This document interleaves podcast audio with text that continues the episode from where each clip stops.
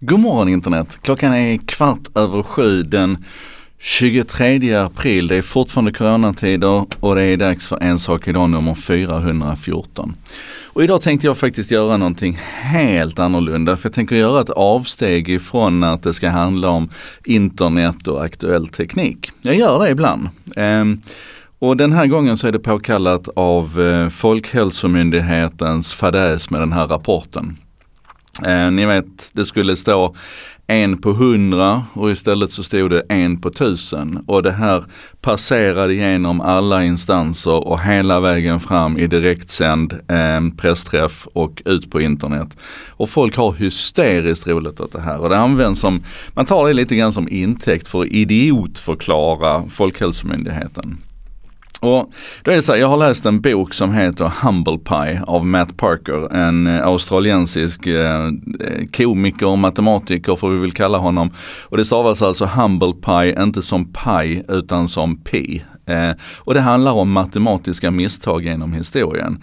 Eh, och inte bara rena räknefel utan där matematiken har spelat en, en påfallande tydlig del i att, det, att det blir fel. Siffror och matematik. För så här är det att må den som är utan brister kasta den första stenen eller flytta det första decimaltecknet eller vad man nu säger att man ska göra. Det här är naturligtvis ett, ett jättetråkigt misstag men jag tänkte sätta det lite grann i perspektiv. Och då kan vi väl börja med ett felplacerat kommatecken. Ehm, och det här ingår nog inte i Matt Walkers bok utan det här är exempel som jag själv har samlat på mig över tid för jag tycker det här är ett intressant ämne. Det första exemplet det kommer ifrån Amsterdam. När man 2013 skulle betala ut försörjningsstöd till ungefär 10 000 familjer och man skickade ut 188 miljoner euro jag tror att ni som var snabba att göra Folkhälsomyndighetens matematik är rätt snabba att konstatera that's a shitload of money att få på en check. Eh, och det var naturligtvis fel. Det skulle vara 1,8 miljoner euro istället för 188 miljoner euro. Så det var inte ens ett steg fel utan det var två steg fel. Och det här rann också genom hela systemet. Man fick naturligtvis bråttom att försöka hämta hem de här pengarna igen. Men det visar ändå hur enkelt det är att, att sätta det där kommatecknet fel. Och eftersom alla i i den här organisationen runt den här välfärdsbetalningen utgick ifrån att det där den där summan som står där, den är korrekt. Så var det ingen som gjorde det jobbet som hela internet gjorde med Folkhälsomyndighetens rapport här, att man gick in och tittade på de här siffrorna. Så det här är ett sätt som fel kan uppstå på att, att vad ska man säga, organisationen tar för givet att det där ska, det ska vara rätt och då rullar det bara igenom. Någon annan har kollat det. Um, och, och, då blir det lite grann så här, jag vet inte om ni såg häromdagen på Folkhälsomyndighetens um, pressträff så var det inte Anders Tegnell utan den andra, uh, eh, hans biträdande, som stod och skulle köra presentationen och så kom det upp siffror som han tyckte inte stämde. Han sa det här kan inte vara rätt men alla runt omkring honom insisterade på att jo, det är rätt presentation och bara kör. Och man märkte liksom hur han, hur han vacklade i det här tills man så småningom då kunde erkänna att nej men det var ju gårdagens presentation man hade lagt fram istället. Men han han stod inte på sig inledningsvis för att alla andra var så övertygande om att det här var rätt. Det är lätt att sånt händer. Vi har exempel i Sverige också sen tidigare. Jag tror ni kommer ihåg regalskeppet Vasa. Och regalskeppet Vasa var ju clusterfuck på väldigt många sätt. Alltifrån liksom hur det projekterades till vem som hade sista ordet och bestämde och så vidare. Det var så mycket som gick fel där.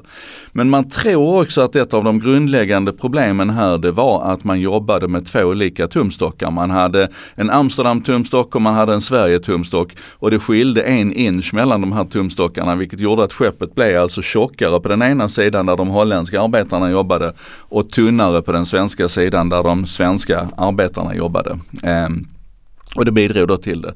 Och, och sådana här konverteringsfel eller vad vi ska kalla det, det, det, har vi gått om i andra sammanhang. Vi har den världsberömda Air Canada flight 143 som skulle tankas enligt metric system, alltså enligt det metriska systemet men istället så tankar man den med det, det brittiska måtten, alltså Imperial Units. Vilket gjorde att den hade hälften så mycket bränsle som den behövde och fick glidflyga de sista 10 milen innan den landade. Eh, lätt hänt, lite likt det som hände med ehm, eh, den här Mars Climate Orbit, alltså den här eh, satelliten som skulle ta en sväng runt Mars, där man också hade räknat fel på Imperial och Metrics, eller rättare sagt NASA använde det metriska systemet och Lockheed Martin använde det brittiska systemet. Vilket då innebar att om jag kommer ihåg rätt här nu istället för att gå på 226 kilometers avstånd ifrån Mars så gick den på 56 kilometers avstånd ifrån Mars. Vilket betydde naturligtvis att den kraschade och brann.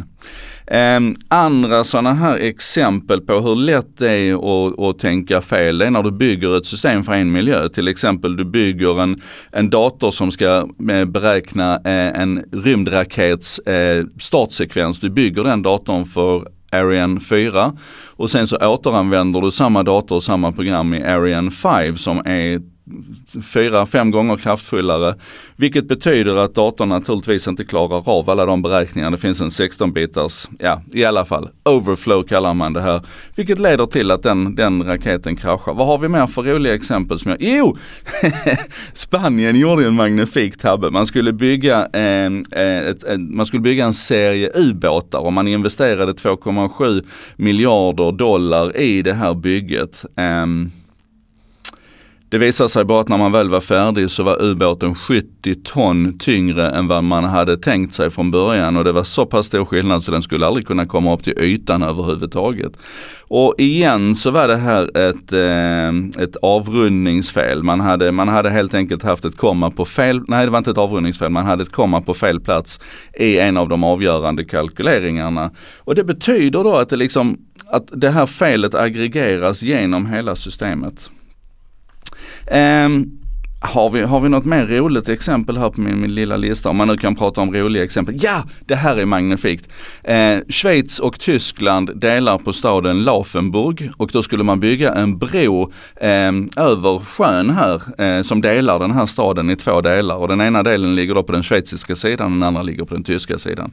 Och då bestämde man sig för, och, ungefär som ett tunnelbygge, så, alltså, som vanligt när man bygger, man börjar bygga från båda sidorna. Så då hade tyskarna ansvariga för det ena bygget och schweizarna ena för det andra. Och när bron möttes där ute så visade det sig att det slog på 54 centimeter i höjd. Eh, och då gick man in och, och så, vad, vad, vad beror detta på? Och då baserade man grundpunkten här baserade man på eh, grundhavsnivån, eh, eh grundhavsnivån.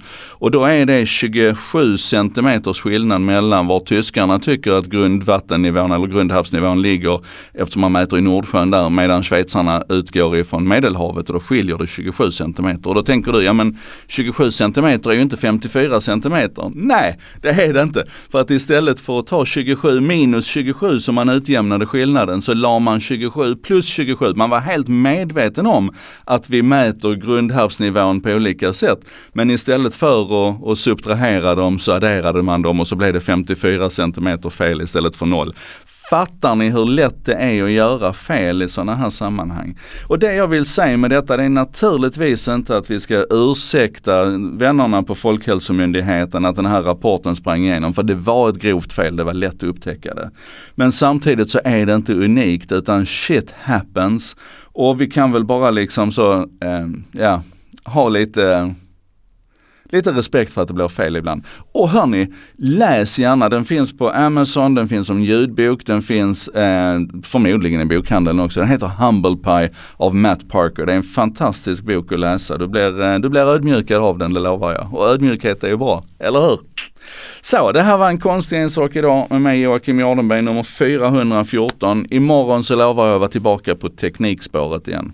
Och förresten, innan jag släpper er, var ni ute och letade efter Starlink-tåget igår?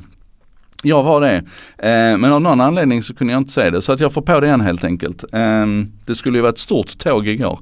Nu sköt man ju upp 60 nya satelliter i, igår också så att eh, snart finns det, finns det läge och eh, eh, ja det är ju sådana hela tiden. Nu bara svamlar jag så jag slutar nu. Hejdå!